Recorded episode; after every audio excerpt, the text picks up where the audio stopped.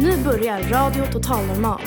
Programmet där vi med erfarenhet av psykisk ohälsa säger vad vi vill. Här är alla röster lika värda.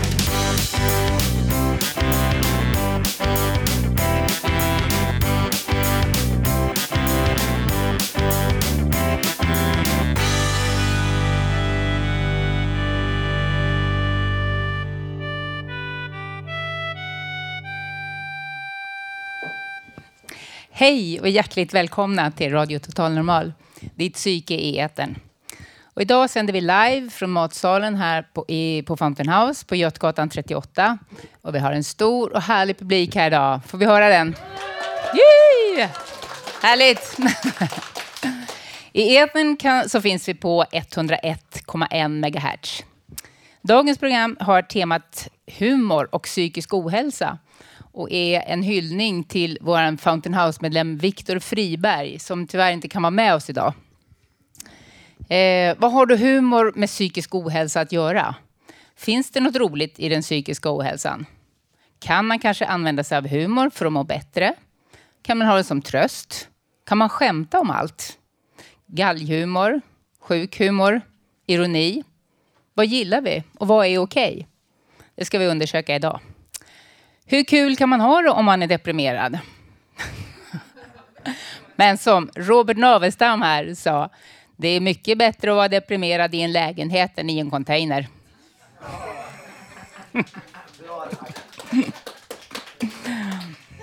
Vi kommer i dagens program kommer att diskutera frågor kring humor och psykisk ohälsa. Och sen kommer vi naturligtvis att bjuda på en massa musik, texter och ett och annat skämt och några roliga historier. Musiken är omsorgsfullt utvald på temat humor. Jag som är programledare, jag heter Lilian. Och vi ska börja med att höra en anekdot av just Viktor Friberg. Mycket nöje.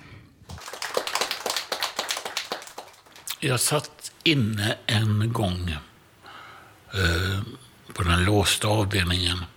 På den tiden så hade rökrummet en speciell plats. Då var jag rökare. I rökrummet styrde och ställde en karl som var rökrummets kung. Han hade ordning, han tömde askfat, han lånade ut och böt cigaretter och såg till så att allt gick bra till. Han var ganska kraftig. Han hade en T-tröja, svart, som dåligt dolde hans stora buk som hade samma färg som lättmjölk. Så han hade ett par urtvättade gympabyxor så man såg halva stjärten på honom. Och varje gång jag kom in där för att röka, det gjorde jag fort, så kom han fram till mig och så sa han Jag har sätat på Kumla. Jag har sätat på Hall. Jag har sätat på Norrköpingsanstalten. Vad har du sätat, Viktor? Och jag svarade då sanningsenligt nej, jag har aldrig suttit i fängelse. Och så rökte jag upp och gick. Nästa gång jag var inne och rökte så kom han igen. Jag har sätat på Kumla. Jag har sätat på Norrköpingsanstalten. Jag har sätat på Kumla. Vad har du sätat, Viktor? Som jag sa, jag, jag har aldrig suttit i fängelse. Veckorna gick och dagar och samma historia varenda gång. Ja, jag har sätat på Kumla, jag har sätat... Eh, ja, sa jag då. Jag har sätat på mm, barnhem. Ah! Och sen så lät han mig vara. Eh, han, han, jag skulle bara inte sätta mig på några höga hästar. Utan jag skulle redovisa vad jag hade gjort. Ja, så var det.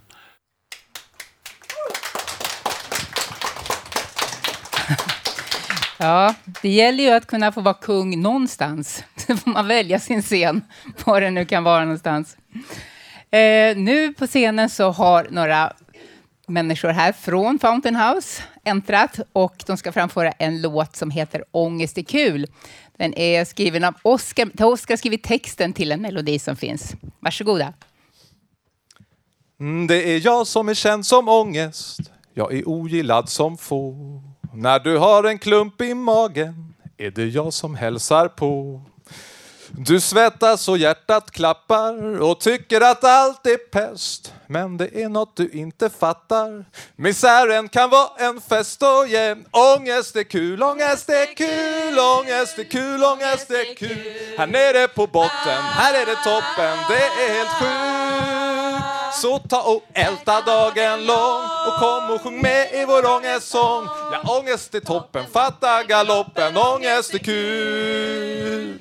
Ja, jag finns med er under dagen, jag är med er natten lång. Jag är klangbotten i skratten, jag är känslan i en sång. Och om du har förfärlig ångest så sjung denna melodi för då blir det en härlig sångfest som vi alla kan delta i. Kom igen! Ångest är kul, ångest är kul! Ja, ångest är kul, ångest är kul! Här nere på botten, här är det toppen, det är helt sjukt! Så ta och älta dagen lång och kom och sjung med i vår ångestsång. Ja, ångest är toppen, fatta galoppen, ångest är kul. Ni kan vara med nu allihopa! Ångest är kul, ångest är kul. Ja, ångest är kul, ångest är kul. Här nere på botten, här är det toppen, det är helt sjukt. Så ta och älta dagen lång och kom och sjung med i vår ångestsång. Ja, ångest är toppen, fatta galoppen, ångest är kul. Bam, bam, bam, bam.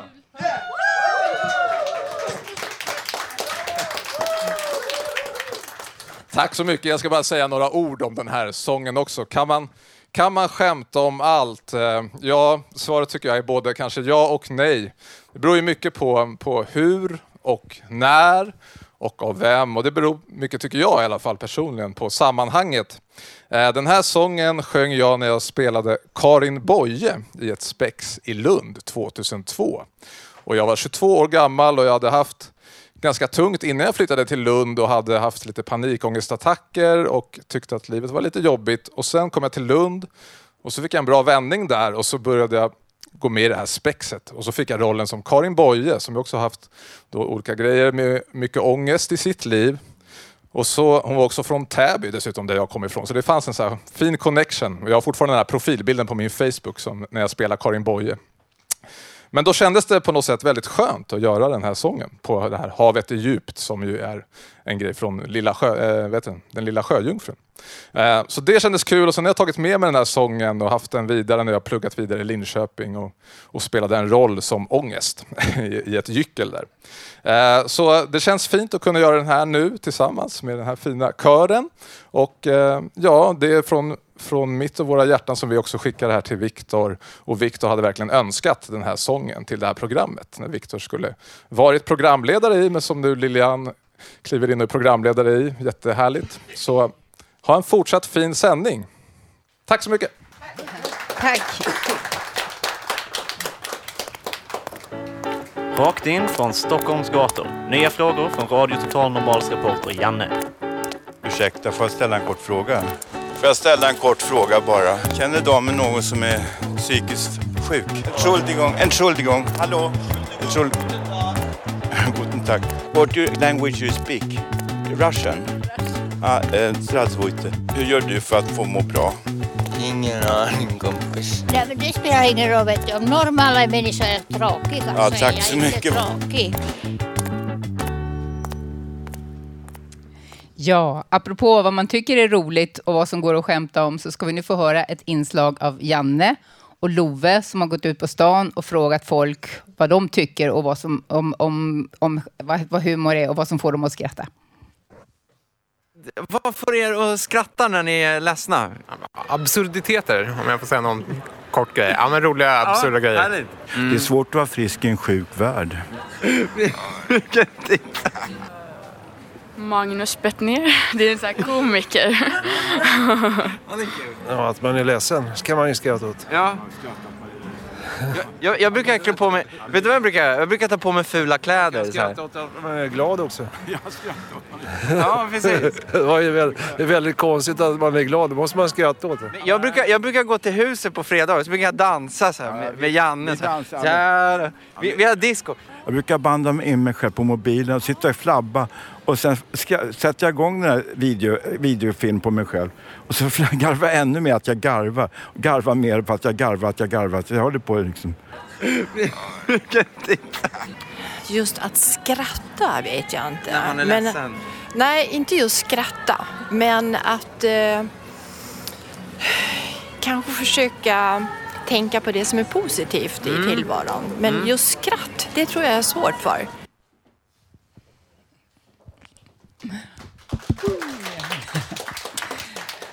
Nu har vi googlat lite grann här på det här med vad humor är. Det, det kan betyda så mycket olika saker för olika människor. Eh, på Wikipedia så står det ungefär så här. Emma ska berätta lite grann för oss vad, vad egentligen humor är, så att vi begriper lite bättre. Ordet humor kommer från humores, kroppsvätskorna i humoralpatologi. Ytterst av klassiska grekiska kymos och betyder bokstavligen saft. Det innebär förmågan hos människor, saker eller situationer att framkalla glädjekänslor. För att uppfatta det krävs ett sinne för humor. Något som alla människor har, men det finns många olika individuellt styrda faktorer som avgör om en enskild person finner en specifik händelse rolig eller inte. Var humor kommer från råder det delade meningar om. Science fiction-författaren Robert A. Heinlein menade att humor kommer från smärta. Medan Isaac Asimov hävdade att antiklimaxen, av grekiska anti, mot och klimax, stege, ligger i humorns hjärta.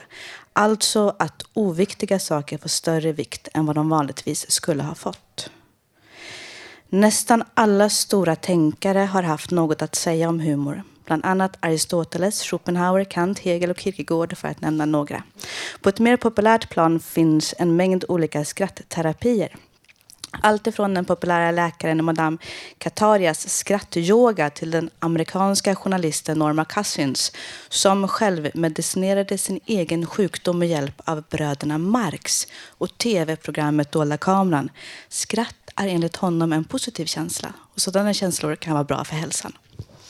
Kant som var ivrigt, för att inte säga hypokondriskt, sysselsatt med den egna hälsan menade att skrattet erfars som en svängning i organen vilket återställer deras jämvikt och det har ett gynnsamt inflytande på hälsan. Även om det inte finns tydliga bevis för skrattets hälsobringande effekter är de eventuella bieffekterna så milda att de, knappast kan skada att prova. Det finns en massa olika typer av humor, bland annat ironi, parodi, satir, sarkasm, svart humor, skämt och även så kallad galghumor. Galghumor är förmågan att se det lustiga i sin egen svåra situation eller kunna säga något lustigt trots att man mår dåligt av någon orsak. Det liknar sjuk humor men skiljer sig från denna genom att galghumorn används av personen som själv är drabbad. Ett exempel är det kända replikskiftet från den svårt sårade som blir tillfrågad Gör det ont? Bara när jag skrattar. De orden ska ursprungligen, eller begreppet ska ursprungligen ha kommit från en dödsdömd på väg till galgen som ändå försöker ha kul. Tack. Kan vi inte få ett litet skratt på det? det eller hur? Ett kollektivt skratt. ja, det var lite ynkligt, men tack ändå. nu ska Robert Navestam läsa en dikt som han har skrivit som heter Bellsta River. Ja, det är en text, enkel, om ett känt ställe i Sundbyberg. Du är vad du är, Bellsta River. En vårdag när det smälter. Du är vad du är. Ta dig där bak Mississippi. Finkarna hoppar över dig, Orinoco. Hur mås det, Ångermanälva? Nilen är bara aningen större än rännilen barnen leker vid. Om morgonen, om våren. Jag gör vad du kan under Amazonas. Det kanske blir, blir någon liten bäck i, i Småland. Kyss i, i ändan, Lena. Donau, du stolta flod. Vad är väl du mot Bällsta kanal? Vad är väl du mot Bällstas flyt? Mot Bällstas flyt. Ja, du flod i Sumpan. Vad är du väl? Man kan väl inte kalla dig flod? Men någon morgon om våren kan väl en tjej, tjej ha, ha, ha glatt när de åker bussen hem från Marabou. Faktiskt åker 113 hem till Ängby. Och, och Baidu Mälaren. Ja, åkte hem med 113 till Bromma. Baidu Mälaren. Hej hopp äldsta river. Hej hopp äldsta flyt. Forever.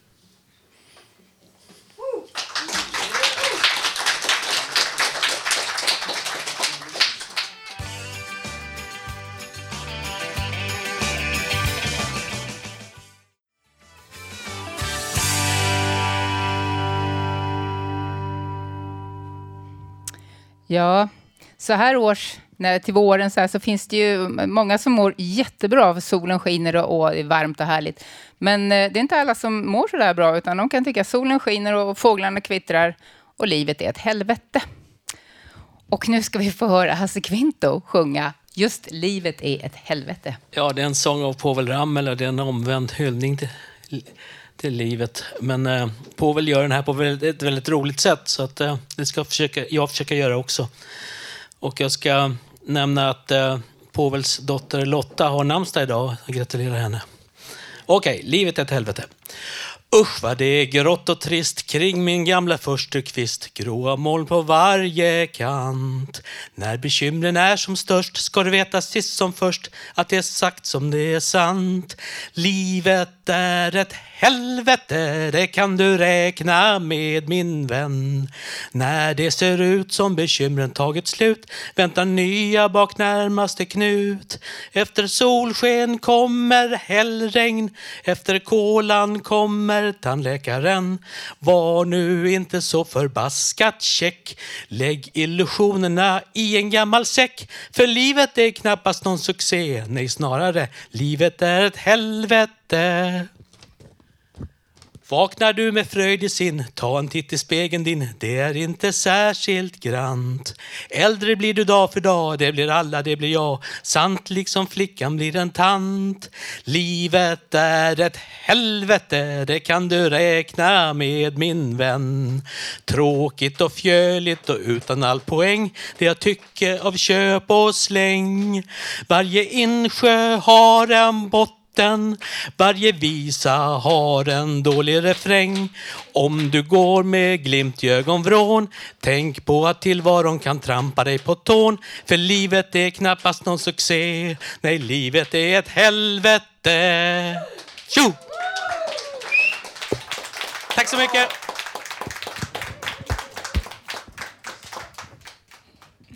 Ja, det var ord och inga visor. Nu ska vi få höra Inga-Lill framföra en förinspelad monolog av en av våra stora komiker, Tage Danielsson, som heter Typ blindkugge. Jag var ett sladdbarn. Jag var inte meningen från början. I min klass i skolan fanns det 23 pojkar. När vi delades upp i två fotbollslag om 11 i varje förstår ni hur det gick. En dag på våren tänkte jag nu ska jag gå ut i skogen och plocka gullvivor åt mamma. Och när jag kom hem med gullvivorna stod det en vas med gullvivor på köksbordet som min äldre syster hade tänkt ut att hon skulle gå ut i skogen och plocka åt mamma. När jag skulle in i militärtjänsten hade jag råkat sudda med mitt suddgummi i intelligenstesten. Så de visste inte vad de skulle ha mig till. Jag låg aldrig i själva lumpen utan jag låg liksom strax bredvid på något meningslöst sätt och jag fick aldrig ha ihjäl någon eller vara till någon nytta alls. Min tilltänkta hustru var redan gift. När jag pensionerades från mitt arbete efter 43 års trogen tjänst fick jag veta att det hålet som jag hade haft i uppgift att svetsa i bakplåten till den serietillverkade mopeden som de gjorde på fabriken, det hålet hade de strykit ur konstruktionen strax efter jag blev satt på att göra det. Så det användes aldrig till någon skruv eller så, utan var bara fullständigt meningslöst att extra hål som de hade glömt att jag inte behövde göra. Jag vet egentligen inte alls varför jag har funnits. Fast nu har vi trevligt på hemmet för gamla. Vi är fem gubbar som brukar träffas och spela bridge. Jag har tänkt att jag kanske kunde lägga en patiens under tiden, men det har aldrig blivit av, för de andra fyra har ju kortleken.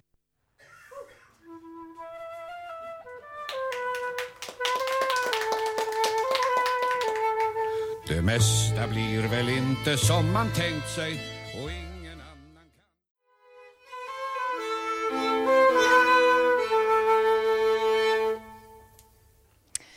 Ja, nu ska vi få höra Katarina Eriksson som läser en egen text som heter Resa i smärtan.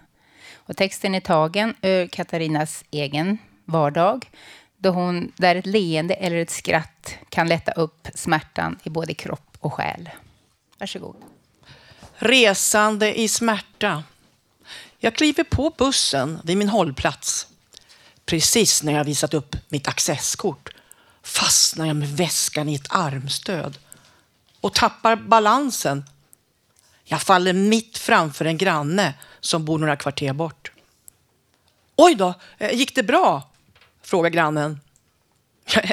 Ja, ja visst, säger jag, även om det smärtar i kroppen. Det hon inte vet är att det sitter ett smärtmonster på bagagehyllan och visar långnäsa. Ingen ser honom trots att han är så ful. Jag slår mig ner bredvid henne. Hon är vänlig. Hon ler mot mig och jag ler tillbaka. Trots att jag har 50 spikar i skon, 10 strykjärn på vaderna och 10 knivar i nacken. Vi pratar vidare om de vackra äppelsorterna i trädgårdarna. Oranier, transparent blanche med mera. Och även smärtmonstret gillar äpplen. Och de riktar han rakt mot mig. Harker! Rakt i munnen på mig kastar han den. Oj, eh, jag satt något i halsen. Här, sa grannen, ta min Loka. Tack. Utan att jag vet ordet av har smärtmonstret tagit Lokan och hällt ut den på golvet i bussen. Långsamt sipprar vattnet ut och nu är det inte bara vatten som rinner ut på gången i bussen. Monstret har förvandlat vattnet till sirap Nej, nej, nej, nu räcker det, tänker jag för mig själv. Jag är högröd i ansiktet, men försöker bibehålla lugnet. Tänk på medveten andning. Andas. Ett, två, tre, fyra. Det är sånt som händer, säger min vänliga granne. Äntligen Huddinge sjukhus. Vägen dit kändes ovanligt lång den här dagen. Med 50 spikar i skon och 10 strykjärn på vaderna och 10 knivar i nacken. Plus ett sirapsmonster hängande runt halsen kliver jag ner från bussen. Min granne kliver också av. Vi går åt varsitt håll och hon vänder sig om och ler med sitt vackra leende igen. Hennes leende får mig plötsligt att skratta åt allting. Och vips så försvann smärtmonstret för den här gången.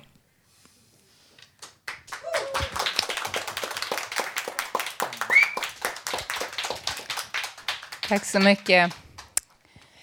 Eh, nu så blir det fika för oss här i publiken. Och under tiden så ska vi passa på att lyssna på ett musikaliskt vykort från Gabriel Andersson. Den morgonen kunde gått till historien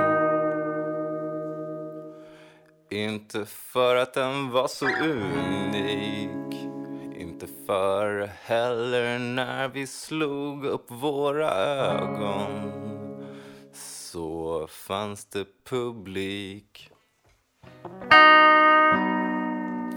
Jag vill minnas hur du låg där bredvid. Din päls luktar fantastiskt. Jag tänkte om jag tänkte vad skönt att jag är vid liv. Det var nog någon vår, vinter, höstdag Solen sken och jag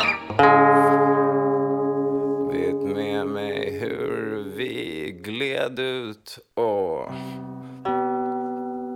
tog ett blås. Många ville vara som oss.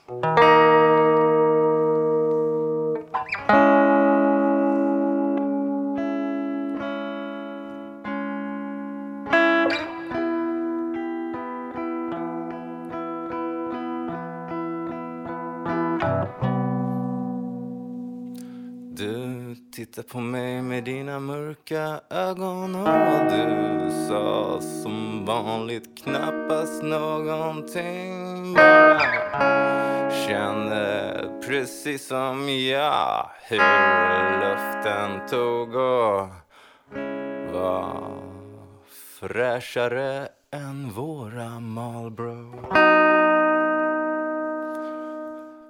Vi satte oss ner i bärson.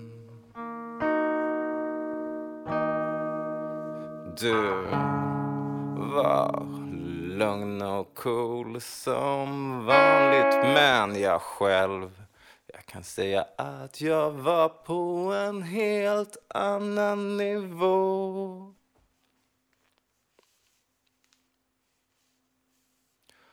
För vad skulle jag göra utan dig?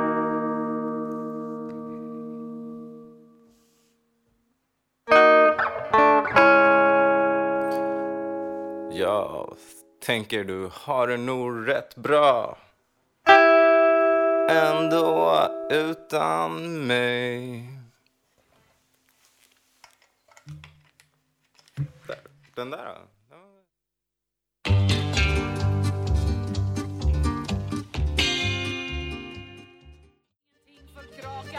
Tuffa tag för vetningar som jag. Ja, och mitt i fikat här nu så ska vi få höra en intervju som Micke Oslund har gjort med Viktor om hur det gick när Viktor Friberg sökte jobb som receptionist. Då sitter jag här med Viktor Friberg i biblioteket på Fountain House. Jag ska berätta en liten historia från sitt liv. Varsågod ni Viktor. Jo, här på Fountain House, eller Fontänhuset som man brukar säga, här sitter man då och då i receptionen till min stora glädje.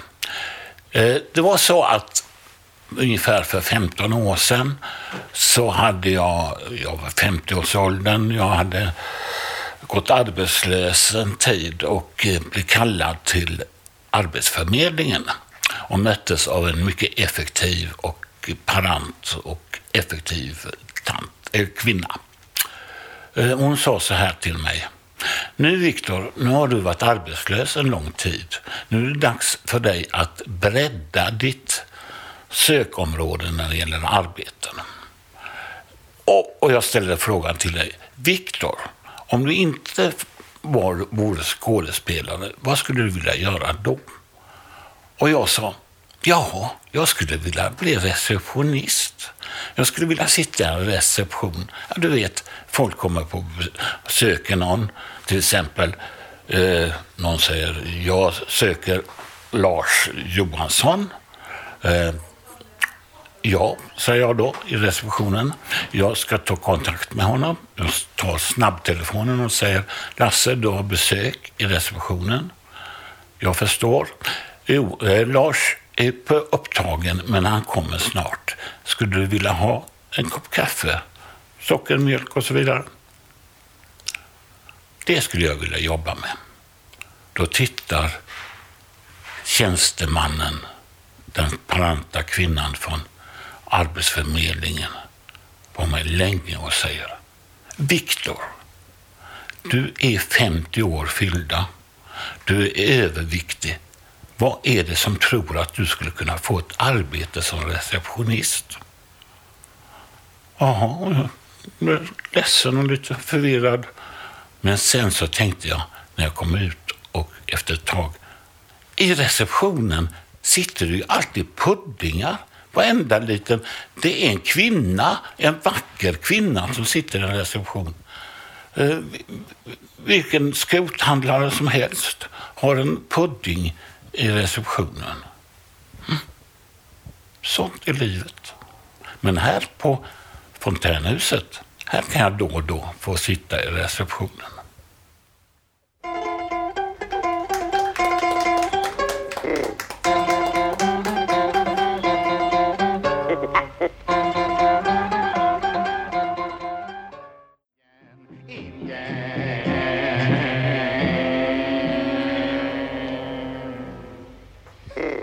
Ja, det var en låt om självplågaren det. Nu har vi Helge här på scenen som tänker berätta en rolig historia. Vi vet inte alls vad det ska bli. Det blir spännande. Varsågod. Tack. Ja, det är två små historier snarare. Och den ena den handlade om, den handlade om synålarna som var ute på promenad. Och, och de njuter av, njuter av det fina vädret men plötsligt rycker den ena till och säger åt den andra att akta dig, det kommer en säkerhetsnål.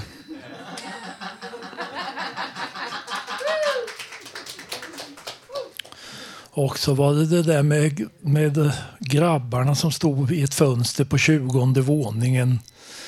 Och de slog vad om vem som kunde luta sig längst ut genom fönstret.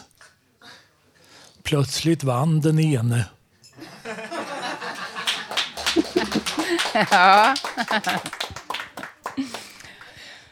eh, ja. Då så. Då då var det dags för att låta publiken säga lite grann vad ni tycker om det här med humor och psykisk ohälsa. Vad säger ni? Kan man skämta om psykisk ohälsa? Ja. Det kan man? Ja. Mm. Jo, eh, jag tänkte först dra en annan historia, men nu drar jag istället om eh, min farfar som var kommunalfullmäktiges ordförande i, i Västergötland. Han, eh, det var var eh, så att, att Gustav V skulle jubilera och samtidigt skulle man gå riksmarschen. Och då kom eh, en från kom, kommunen och frågade honom nu ska, kan du hålla tal för kungen? Då kom min farmor och ställde sig bakom och såg frågande ut. Och då sa han nu ska jag hålla tal för kungen och då ska du stå bakom och hurra. Det blir jäkligt bra. ja. Jag har många historier här på huset i alla fall. Eh, någon mer som har någonting att säga om det här med, med humor och psykisk ohälsa? Eh, man kan ju till exempel använda humorn som tröst. Man kan använda den som skydd mot allvaret, liksom skydda sig bakom det här med humor. Eh, skämta bort det som är jobbigt lite grann för att slippa behöva visa det både för sig själv och för andra. Eh, humor kanske kan fungera som terapi. Eh, och det, har ni egna erfarenheter av hur ni har använt humorn på ett bra sätt? Till tröst eller terapi? Eller hur, hur gjorde ni för att få glädje av den här humorn? Nytta av den? Skrattterapi har jag inte gått, men det smittar faktiskt av sig. Och sen när man, om man är det här, man får bipolär. Det är så tråkigt. Alltså, nej, inga diagnoser har vi här. Men annars blir man jätteledsen. Inget ord. Och sen så blir man gladare och då skrattar man åt allt och sover lite lite så skrattar man jätteflamsigt.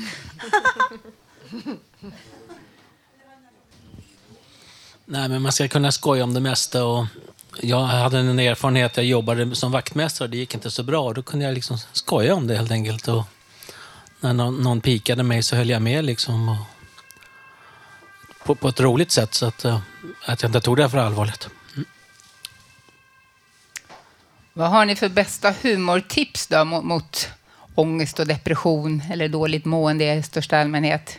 Här har vi en som vinkar ivrigt. Ja, jag tror så här att man ska kunna skämta om saker liksom på ett tokigt sätt. Att det, nu är det väldigt olika hur folk upplever humor, men jag personligen känner att något som är riktigt tokigt och flabbigt liksom är väldigt eh, bra, men på ett sätt, det får inte vara elakt och det får liksom inte vara kränkande. Och det är klart att den gränsen kan svår att se, se, men jag tycker att humor ska vara hur tokig det än kan bli, ändå gjort med hjärtat och med respekt för människor för världen och ideal samtidigt som man ser lustiga saker i, och tokiga saker. I, liksom. Men det får aldrig vara elakt och respektlöst. Det kan vara en svår gräns. Jag tänkte det kanske kan vara lättare att skämta om sig själv än att skämta om andra också. För att inte kliva över den där känsliga gränsen. Jag, jag tycker ja, jag själv just att man kan använda också humorn som ett slags försvar för att slippa kanske ta itu med det som är, är gör lite ont så jag gick hos psykolog ett tag och så började jag satt och bara så satt jag så och typ berättade så här roliga historier om mitt liv. Kolla, kolla det här skitlivet. och så hon hela tiden hon bara, ja men det är ju ditt liv, vill du att det ska se ut så? Man bara, och så sitter så bröts de det där ner mer och mer, men just hur jag hela tiden tyckte det var lite roligt att sitta och bara prata om, äh, ja de där, dra de där historierna. Så att för mig har det varit lite att man kan skydda sig bakom humor och inte ta itu med problemen. Att det kan också vara ibland inte alltid positivt. Jag vet inte om någon annan kan hålla med mig. Nej, men jag kan hålla med om att eh, för mig är ju då lek läkande. Så jag leker väldigt mycket, har alltid gjort det och tycker om. Och jag jobbar i skolan, så jag leker konstant och då känner jag mig väldigt glad. Och barn är så oförstörda. Eh, när ju äldre vi blir så svår, vi får svårare och svårare att eh, vara här och nu. Och det tror jag är viktigt, att vara här och nu, ta in livet. Så att lek är läkande och ger skratt. Mm. Ja, absolut. Men om man tänker så här, vad man kan skämta, kan man skämta om allt? För just så här med psykisk ohälsa, om man mår, mår dåligt och så här, alltså finns det något man inte kan skämta om? Vad säger ni om det? Ja, Marco? Jo, det finns några saker. Fast man kan säga att vissa, på visst sätt kan man kanske kliva över och ta inslag, men det finns saker och värden och ideal, ideal och sånt som jag tycker att det är olämpligt. Men ibland kan gränsen vara luddig. Mm. Jo, jag eh, hörde en flick, eh, lektion på skolan och det var mattelektion. Så kallar läraren fram en av eleverna och säger Anna, kan du komma hit? De här talen får du ta bastun lära reta om. Annars får vad det var den tiden de fick ge barnen. Så Och så kom hon ut och gick och, tog den här och så, Men duktig var. Alla rätt. Herregud. Så sa hon, jag slapp spöa sa hon när hon kom ut. Så, Hur sjutton gjorde du? Ja, jag la från och plusera och hela räknarsättet. Löste det igenom det.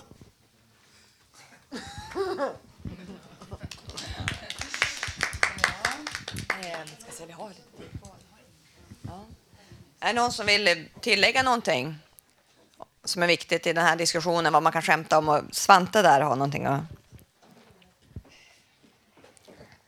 Jo, jag vill bara tillägga att naturligtvis är det väldigt viktigt att när man skämtar så måste man ju akta sig så man inte gör övertramp som kan såra någon annan.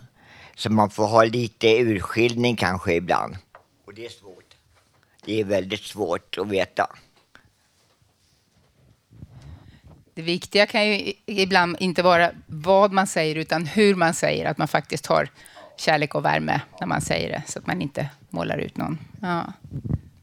Precis, och så kanske om man är i ett sammanhang, om man inte känner folk, är det också, man måste känna in kanske att har vi, ligger vi på samma nivå, har vi samma humor och komma in helt ny i ett sammanhang och börja dra sina skämt eller internskämt som man kör med kompisar som kan funka där i ett visst sammanhang, men komma någon annanstans så kanske de fall helt fel. Så det är mycket där med sammanhang och timing och allt sånt där. Så humor är ju väldigt, väldigt svårt att använda sig av det. Man, ja, om man ska, det krävs en viss skicklighet om man ska göra så bra. Ja, Svante, nej, Hasse.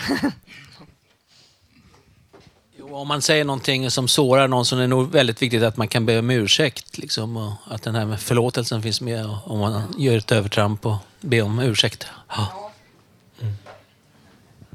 Men kan det vara befogat ibland och kanske, jag tänkte i satir och sånt där, när det är politiker och så här som man kan hålla på och häckla, tycker ni det är okej sådär om det är? Jo, det kan vara okej på sin plats. Men som sagt igen att, att det, det handlar om respekt och att inte liksom trycka liksom en människa och göra det till väldigt lågt och göra sig elak på bekostnad av någon som liksom till fylla utan att men som sagt gränsen är väldigt obskur och svår att mm, som helhet dra för att det så skiljer sig åt i smak och mycket. Ebba, Cecilia?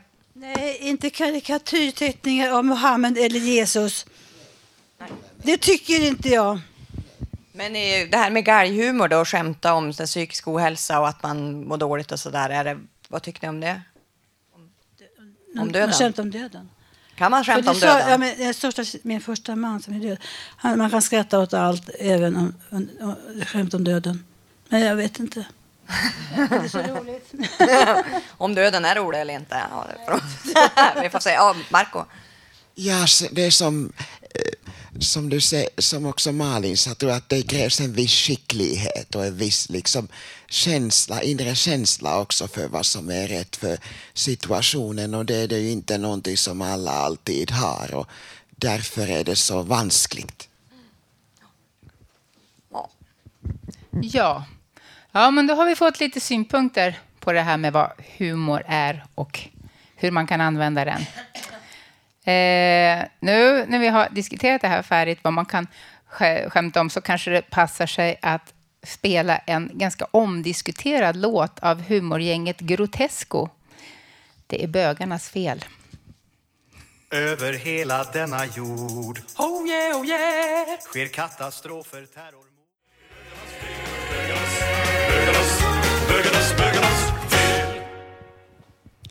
Ja, jag hoppas den föll i god jord, att alla lyssnade verkligen på texten. Förstod undermeningen i den. Eh, så ska vi fortsätta med Sia som ska läsa en dikt av Sonja Åkesson som heter Ska bli sjuksyster. Varsågod. Ska bli sjuksyster, ja. Tralala. Syster är säkert tjusigt att vara. Jag ska glittra och le. Som en strålande fe. Mm, det ska lilla jag, tralala. Tralala, tralala, tralala. Synd att mössa inte är okej. Mössa skulle nog klä lilla mig. Bara brås verkar trist. Det ska vara något visst. Med en utbildad tjej eller vad? Tycker jag. Tralala, tralala. Gå elev är nog pyton det knog. Teori tycker jag verkar nog. Inte ska en elev tvätta gummorna skrev. Det är biträdesjobb tycker jag. Det är sånt som de ska, eller vad? Lavemang är nog äckligt att ge. Cancer, syfilis och gonorré, diarré, blod och var. Patienterna har rena snuskjobbet, va, tycker jag. Passar bättre för biträdena. Tänk när utbildningen sen är klar. Vilket vansinnigt ansvar man har. Dela ut medicin. Vara prydlig och fin. Ändå fast som en mur, eller hur? Ska man vara, tycker jag. Tadada. Doktorn märker hur säker jag är. Och en dag är han allvarligt kär. Skymtar hud brun och len ovan knästrumpeben. Och en dag är han där, eller va? Tror nog jag. Talala, talala. Jag får sluta mitt yrke såklart. I vår villa ska vi ha det rart. Ett par barn vill jag ha. En barnflicka va? Som är stadig och bra. Ska jag ha. Det blir bra tycker jag. Talala. Kanske gillar jag inte allt fläng på ett sjukhus. Blir en mannekäng. Är det fotomodell? Alltid finns det någon snäll. Miljonär. Jag kan ta, tror nog jag. Och sen sticker vi till USA. Talala, talala, talala.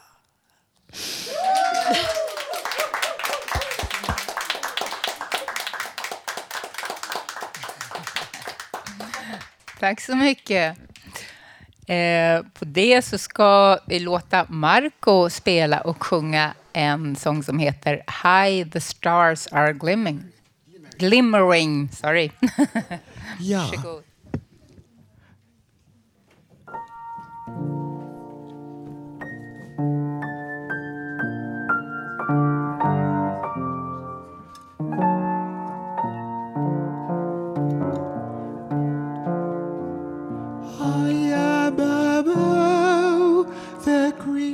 Christmas stars to shine.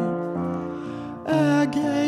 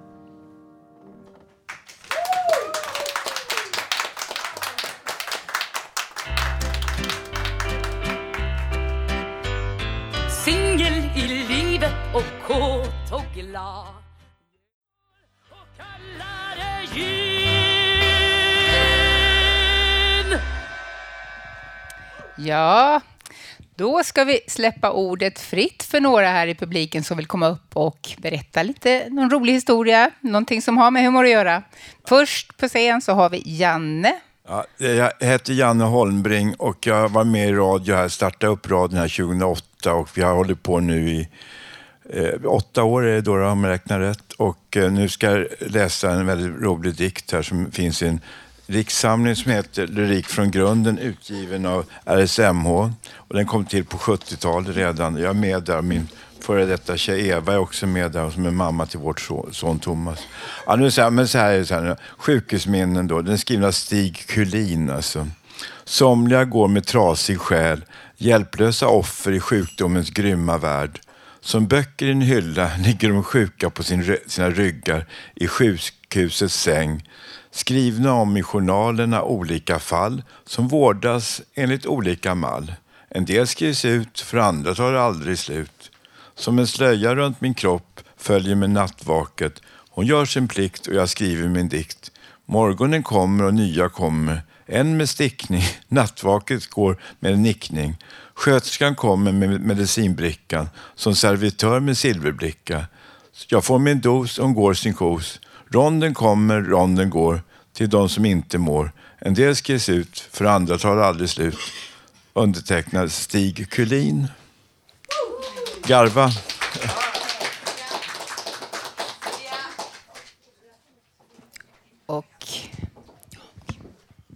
Ja, jag tänkte, jag, jag brukar, eller min pappa gillar buskis och det gör jag också. Jag kommer från Västerbotten och jag tänkte, det, brukar så här, det var ett dialektalt skämt som han tyckte var väldigt roligt som har fastnat i mitt huvud hela livet. Jag, egentligen är det inte så himla roligt men det är alltid, ja, den finns kvar i mitt huvud så att säga.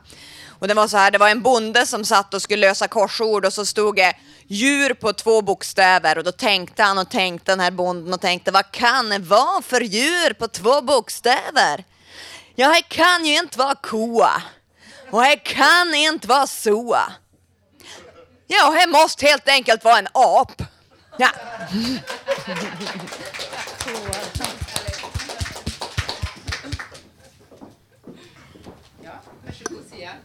Ja, jag kommer säga Malmsten igen. Jag kan inte berätta några långa historier. Det kunde pappa, tror jag. Jag tycker det är en manlig egenskap. Men mamma fastnade i en, en sak som tror jag hela kan väl alla. Den här med allting har en ände, men korven den har två. Det är inget roligt.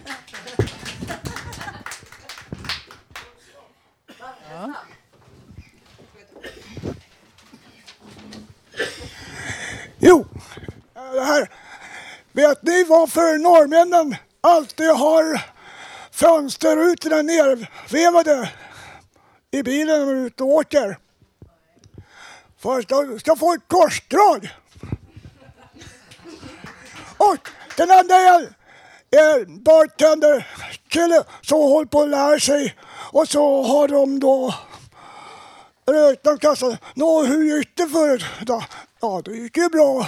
Men att eh, eh, en del vill ju ha starkare drycker och en del vill ju bara ha läsk och öl och soda. Ja, det är inte så konstigt. Ibland så vill man inte... Ja, men har du inte tänkt på det att när politikerna kommer, då ska det vara starkare drycker. Men när de andra, då är det... Ja, det är ju samma folk som kommer.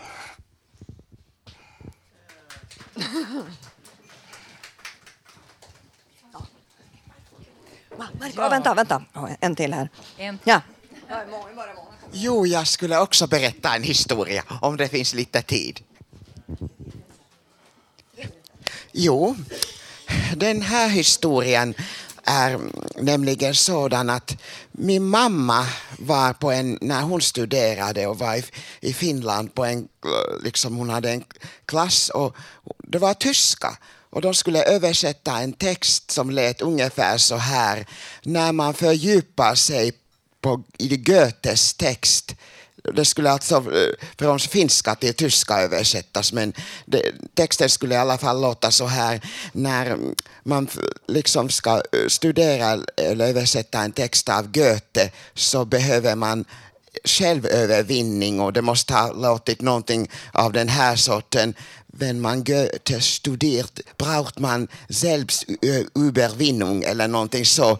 Men eh, så, så var det några som hade översatt det på ett märkligt sätt och slutresultatet blev när man fördjupar sig i Goethes text hörs det underligt mummel från andra sidan. Så det måste ha varit någonting så här, här wenn man studerat Goethe hört man komisches Blasen von der Anders, eller Zeit Anders, eller von da oben, eller von da oben, någonting sånt.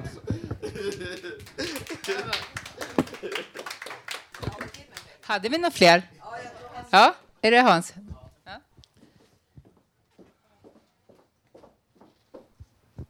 Fy, fyra korta skämt. Eh, 87 till 91 hur tar jag mig ut i glasögon? Som vanligt, första dörren till vänster. Eh, no, nollan till chassen. Hur stavar man till mottaga med två T? Ta det lugnt nu, vad är första bokstaven? Och så brukar jag ibland eh, åka på fågelskådning och det passar ju nu i maj när det är fåglar som kvittrar. Och, men så torkar jag bort eh, smutsen från glasögonen, alla fåglarna är borta. Eh, ja, vad var den sista då? Nej, det får räcka så. Hade du en kort? Har vi en sista här? Jag hade en liten dialektal också. Eh, stadsbon som kom till Västergötland till en bondby så frågade han en bonde där. Har, har ni bott här i ert liv?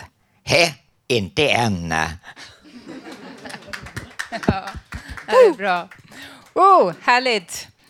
Då ska vi fortsätta med Stefan Persson som har gjort en egen låt som heter I wanna rock. Han gjorde den för flera år sedan, men han ser, ty, tycker att den är, gäller fortfarande än idag. Här kommer den.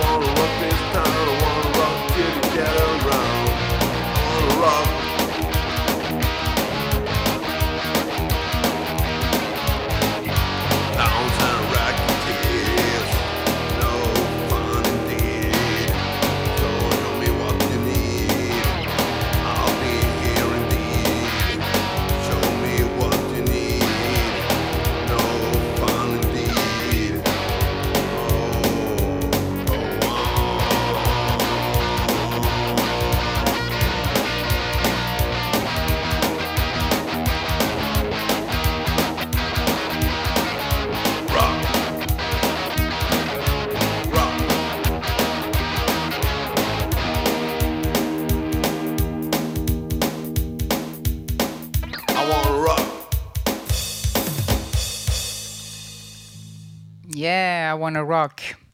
Nu har vi en ny artist som sitter här på scenen. Det är Tommy Bergqvist som ska spela och sjunga någonting för oss. Kan du berätta vad? Ja, det var så att i södra USA så började de utveckla en lite annorlunda bluesstil och den kallas för country blues. Och det är man spelar vanlig blues med så kallad picking. Och på början på 1920-talet så skrev en kille som hette Willy Brown en låt. Och um, det var efter, alldeles efter ragtime så att den är lite eh, uh, ragtime-inspirerad. Det finns visserligen en text till va, men jag tänker bara spela den som solo.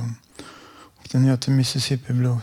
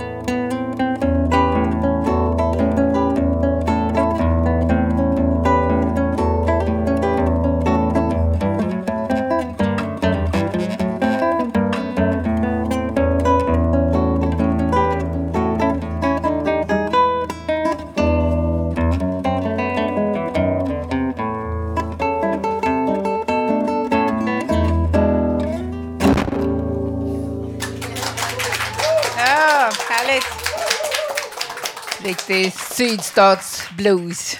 Tack så mycket. Vad blir det för mat?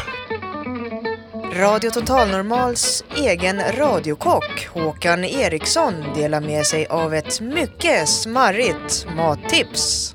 Mums filibabba. Mm. Det är gott. Eh, lite, lite mer salt. Ja, det, det smakar lite citron. Mm, vad gott! Dagens kort på Radio Total Normal.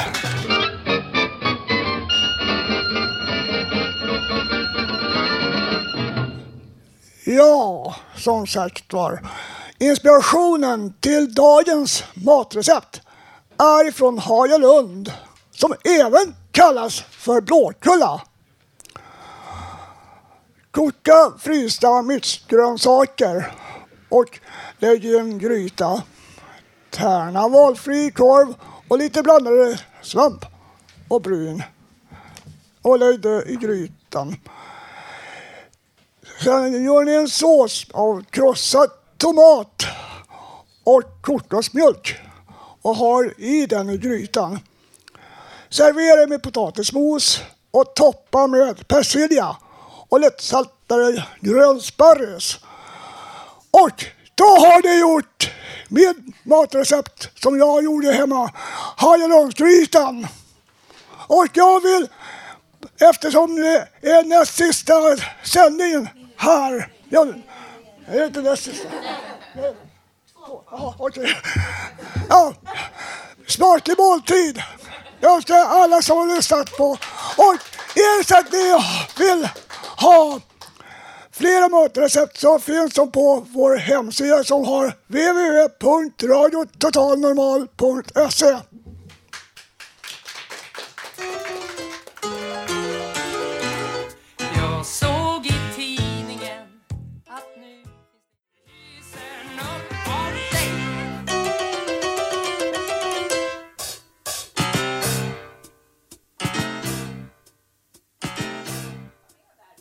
Nästan. Så, vi har kommit till slutet av sändningen och jag hoppas att ni har haft lika roligt som vi här. Eh, vi har alltså två sändningar kvar, men nästa sändning kommer vara från Fountain House, som kommer vara från Fountain House är den 9 juni. Och förhoppningsvis så är det då fint väder så vi kan vara ute på Götgatan. Fram till dess så kan du lyssna på oss på webben www.radiototalnormal.se eller på Soundcloud. Du kan också hitta oss på Facebook och Twitter. Radio Totalnormal drivs av föreningen Fanzingo med stöd från Socialstyrelsen och Fountain House Stockholm. Tekniker idag var Gustav Sondén. Producenter Emma Lundenmark. Yes, en applåd för Gustav här till att börja med. Producenter har varit Emma Lundenmark och Malin Jakobsson. Reportageklippare här bakom oss i rummet bredvid, Benny Rodin. Ansvarig utgivare, Bodil Lundmark. Musiken i programmet har valts av redaktionen idag. Och jag som har varit dagens programledare heter Lilian. Tack så hemskt mycket för att ni lyssnade. Och vi ska nu avsluta med en anekdot från av vår kära Viktor Friberg. En som är inne och tassar ganska långt in på galghumors bana. Varsågoda. När jag var barn så hade jag en moster. Hon eh, brukade ringa från Uppsala ner till Göteborg för att berätta att hon skulle ta livet av sig. Och då mitt i natten svarade min far eh, eh med efternamnet Friberg. Och då svarade hon, ja, det är Britta. Jag ringer bara för att ta farväl. Ja, men för helvete Britta, ta repet nu. Det är, ju- de där pillerna fungerar ju inte. Och så gick åren. Och en dag när Britta skulle fylla år så eh, tisslade och tasslade min moster, eller min, min eh, mormor och hennes son utanför. Och, och så kom de in med ljus och lykta och presenter. och sjöng Ja må hon leva, ja må hon leva för ett lik.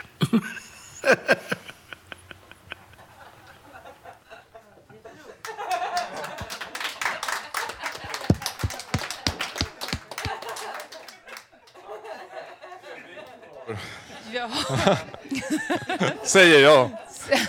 Som, jag har ingen ljud. Så det... Nej, okej. Jag pratar på, jag pratar på. Ja, vi ska sjunga en låt här. Vi ska, vi ska avrunda programmet som vi, som vi börjar. Vi, vi ska sjunga den här låten Ångest är kul. Och, och jag och Viktor, vi hade en fantastisk utflykt till, till Huddinge där vi hälsade på en medlem och det var en väldigt fin, fin dag och vi hade en trevlig stund tillsammans. Och det var då han önskade att vi skulle göra den här låten till det här humorprogrammet. Och det avslutar vi programmet med. Nu ska vi ta ett litet ackord här. Där har vi ett A-dur. Då går jag alltså in i rollen som ångest här igen. Mm, det är jag som är känd som ångest. Jag är ogillad som få. När du har en klump i magen är det jag som hälsar på. Du svettas och hjärtat klappar och tycker att allt är pest. Men det är något du inte fattar. Misären kan vara en fest. Oh yeah. Ångest är kul, ångest är kul, ångest är kul, ångest är kul. Här nere på botten, här är det toppen. Det är helt sjukt.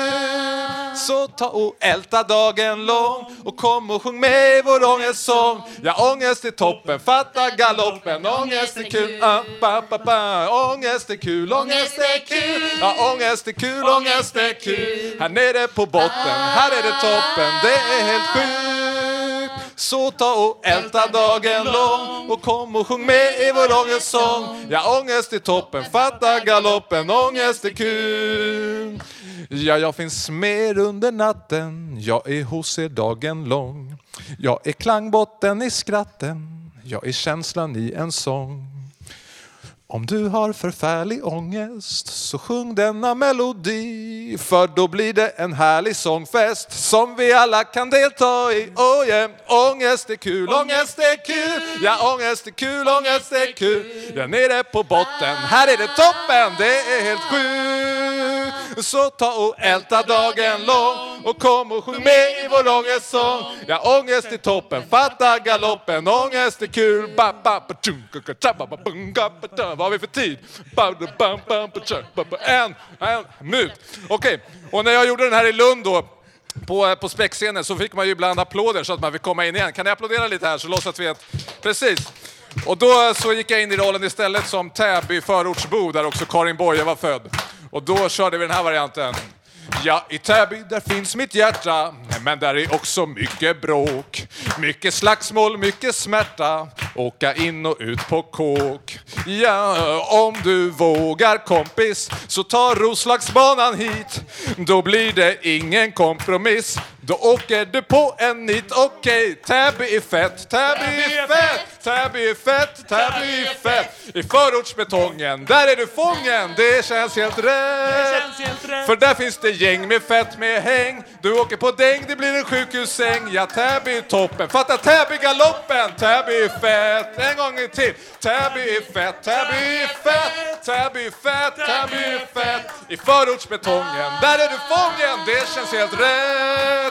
Ja, för där finns det gäng med fett med häng. Du åker på däng, det blir en sjukhussäng. Ja, Täby är toppen, fatta Täby-galoppen, Täby är fett. Ångest är kul, ångest är kul, ångest är kul, ångest är kul. Här nere på botten, här är det toppen, det är helt sjukt. Så ta hon, älta dagen lång och kom och sjung med i vår ångestsång. Ja, ångest är toppen, fatta